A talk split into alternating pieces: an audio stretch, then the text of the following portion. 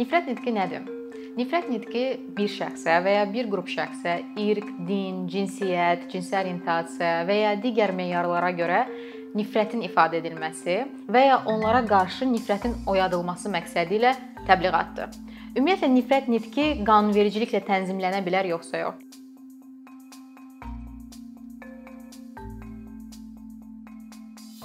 Biz bilirik ki, bütün ictimai münasibətlər qanunla tənzimlənmir.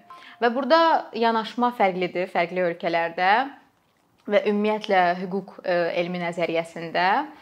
E, Amerikanlar məsələn düşünürlər ki, nifrət nitqi qanunvericiliklə tənzimlənməməlidir. Çünki insanların söz azadlığı var və söz azadlığının aliliyinə görə hansısa bir şəxsi nifrət nitqinə görə məsuliyyətə cəlb etmək artıq həmin hüququn pozuntusu olacaq, həmin azadlığın pozuntusu olacaq.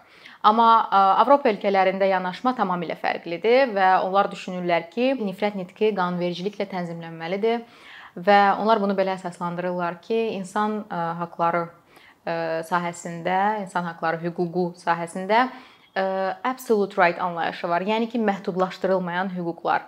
Bu hüquqlar heç bir formada məhdudlaşdırılmır. Məsələn, insanların işgəncəyə məruz qalması. Elə bir hal yoxdur ki, dünyada işgəncəyə bəraət qazandırıla bilsin. Bu o deməkdir ki, o hüquq məhdudlaşdırılmır və ya bir insan bir çox insan fikirləşir ki, yaşamaq hüququ da məhdudlaşdırılmayan hüquqlardandır, amma əgər hər hansısa bir ölkədə ölüm hökmü cəzası varsa və bu qanunvericilikdə nəzərdə tutulursa, bu o deməkdir ki, artıq yaşamaq hüququnun da məhdudlaşdırıldığı hallar var. Və elə o dediyimiz Amerikanların yanaşması da odur ki, söz azadlığı heç bir halda məhdudlaşdırıla bilməz. Amma Avropa İnsan Hüquqları Konvensiyası söz azadlığının məhdudlaşdırıla bildiyi halları e, birbaşa sadalayır və orada e, e, ərazi bütövlüyü, ictimai təhlükəsizlik və ya digər şəxslərin hüquqlarının qorunması bu məqsədlərlə məhdudlaşdırmanı əsaslandırır və tanıyır.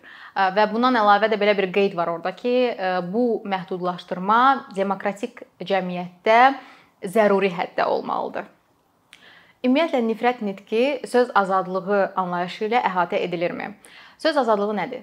İnsanın e, fikir bildirmək, e, məlumat almaq və həmin fikri və məlumatı yaymaq azadlığıdır. Və e, nifrət nitqi hər hansısa bir şəxsə yönəldikdə və yaxud hər hansısa bir qrup şəxsə yönəldikdə artıq siz digər şəxslərin hüquqlarını pozmuş olursunuz və Avropa İnsan Hüquqları Məhkəməsi burada yanaşmanı belə edir ki, maddə 17 hüquqlardan sui-istifadə. Siz artıq digər şəxsin hüquqlarına toxunmuş olursunuz və öz söz azadlığınızdan sui-istifadə etmiş olursunuz. Buna görə də konvensiya sizi bu hallarda, yəni siz açıq-aşkar nifrət ifadə edəndə və ya kimisə buna çağırış edəndə söz azadlığınız konvensiya ilə və Avropa İnsan Hüquqları Məhkəməsi tərəfindən qorunmur və tanınmır. Xarici ölkələrin təcrübəsi bu sahədə maraqlıdır. Məsələn, Almaniyada siz əgər nifrət nitqi ilə çıxış edirsinizsə, bu 3 ilədək azadlıqdan məhrum etmə və ya cərimə ilə cəzalandırılır. Eyni qaydada əgər siz şiddətə, zorakılığa çağırış edirsinizsə, Fransa qanunvericiliyində Cinayət Məcəlləsində 45 min avro cərimə nəzərdə tutulub və 1 ilədək azadlıqdan məhrum etmə ilə cəzalandırılır nifrət nitqi və ya şiddətə, zorakılığa provokasiya. Daha sonra Kanada qanunvericiliyində də bu məsələ tənzimlənir və sadəcə orada maraqlı bir məqam var ki, onlar ayırmırlar ki, bu nifrət nitqi irqi, dini və ya digər meyarlara görə olmalıdır. Onlar ayırırlar ki, müəyyən edilə bilən qrup Yəni ki, əgər 3 şəxs varsa və onları ümumiləşdirə biləcəyiniz bir kateqoriya varsa, bu o deməkdir artıq bu müəyyən edilən bir qrupdur və siz onlara qarşı nifrət yönəldirsinizsə, və bundan da əlavə siz deməli onlara yönəltdiyiniz bu nifrət hansısa nəticə verə bilərsə, yəni əgər elə bir ehtimal varsa ki, bu ictimai təhlükəsizliyi poza bilər, yəni real ehtimal varsa, onda məsuliyyətə səbəb olur 2 ilədək azadlıqdan məhrum etməklə. Bu Kanadanın bu yanaşma, daha doğrusu Kanadadakı yanaşma mənim üçün belə deyərdim ki, daha yaxındır. Çünki həqiqətən də açıq çağırışların real nəticəsi ehtimalı e, varsa, onda həmin şəxslərin məsuliyyəti daha ağır olmalıdır. Düzdür, burada bu e, meyar kimidir. Yəni o yoxdursa, artıq məsuliyyət də yoxdur. E, mən bu yaxınlarda Azərbaycanda elə baş verən hadisələrlə bağlı bir çox insan paylaşdı. Həmçinin mən də öz sosial şəbəkələrdə olan profilimlərdə profillərimdə bunun haqqında paylaşım etmişdim. Həmin çağırışların real ictimai təhlükəsi var idi. Yəni ki, o çağırışlar nəticəsində ölkədə bir ixtişaş yarana bilərdi. İnsanlar ə, mitinqə, piketə çıxa bilərdilər və bu təkcə ona qarşı olanlar deyil. Ə,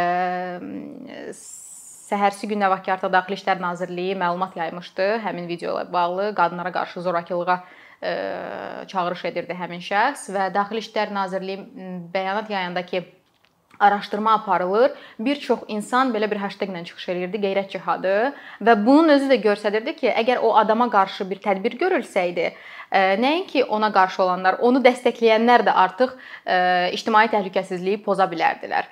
Və mən paylaşan paylaşım edəndə ki, yəni insan söz azadlığı ilə hansı neqativ, hansı faciələrə neqativ nəticə də deyil. Bu artıq bir faciədir. Hansı faciəyə gətirib çıxara bilər? Elə bunu nəzərdə tuturdum.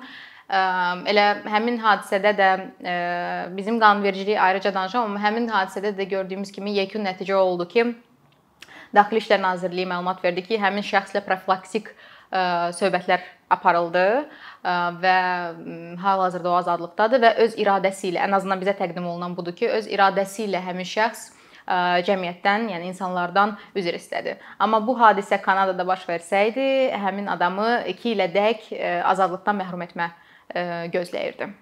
Daxili İşlər Nazirliyi e, həmin şəxsin əməlini heç bir formada e, tövsif edə bilmədiyinə görə nə Cinayət Məcəlləsində, nə e, İnzibati Xətalar Məcəlləsində bununla bağlı bir sanksiya nəzərdə tutulmadığına görə həmin şəxslə yalnız profilaktik danışıqlar, söhbətlər aparıldı. Ümumiyyətlə Azərbaycan qanunvericiliyində bu məsələ necə tənzimlənir?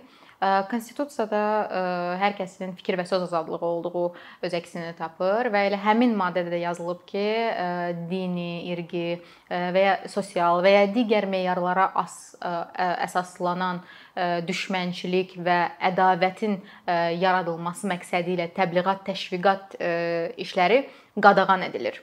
Amma Bununla bağlı birbaşa hər hansısa bir e, sanksiya nəzərdə tutulmur Cinayət Məcəlləsində və ya İnzibati Xətalar e, Məcəlləsində. Bu o deməkdir ki, normanın əslində norma edən nədir? Onun realizasiya mexanizmi. Əgər yazılırsa ki, qadağan edilir, onun bir cəzası olmalıdır və bu nəzərdə tutulmalıdır qanunvericilikdə. O cəza nəzərdə tutulmursa, artıq konstitusiyanı əsas götürüb həmin adamı məsuliyyətə cəlb eləmək olmur. Ona görə də bu bir biraz gücsüz normadır. Düzdür, Cinayət Məcəlləsində bununla bağlı buna oxşar, ən azından hardasa bir tövsif eləmək olar ki, bu nifrət nitqidimi, deyilmi? Amma son baş verən hadisələrdən hamımız başa düşdük ki, yəni bunu heç bir dediyimiz, e, yəni əməllərlə tövsif edə bilmədilər. Ona görə də həmin şəxs hal-hazırda azadlıqdadır. Və düşünürəm ki, yəni rəqəmsal dünya sürətlə inkişaf edir və qanunvericilik bəzən onun ardınca çatdırmır. Vaxtilə avtomobil ixtira olunanda da heç kəs düşünə bilməzdi ki, bu qanunvericiliklə ümumiyyətlə tənzimlənəcək. Amma hal-hazırda yol hərəkəti nöqtə vergülünə qədər qanunvericiliklə tənzimlənir. 30, 40, 50 il sonra virtual dünyada hüquqlarımız da tənzimlənəcək, amma o vaxta qədər biz cəmiyyət olaraq sosial normalardan istifadə etməliyik. Onlar nədir? Tənqid, E, sosial şəbəkələr vasitəsilə həmin şəxslərin və yaxud e, məşhur brendlər bu tip e, influencer, bloger, blogerlərlə və ya məşhur şəxslərlə işləməlidirlər, işləməməlidirlər. Yəni ki, bu tip şəxslər dediyim kimlərdir? Zorakılığa çağırış edənlər, nifrət nitqi ilə çıxış edən şəxslərdir. Və qanunvericiliklə tənzimlənmədiyi surətdə düşünürəm ki, biz ümumbəşəri dəyərləri insanlara özümüz təşviq etməliyik. Əkinçinin yeni videoları haqqında məlumatlı olmaq üçün kanalımıza abunə olmağı və xəbərdarlıq funksiyasını aktivləşdirməyi unutmayın. İmkandan istifadə edərək cari patronlarımıza işlərimizi davam etməyə yardım olduqları üçün dərin təşəkkürümüzü bildiririk. Əkinçinin Patreon icmasının üzvü olaraq siz bizim təşəbbüsə dəstək göstərməklə bərabər hazırladığımız materialları hər kəsdən öncə izləmə imkanı əldə edəcəksiniz.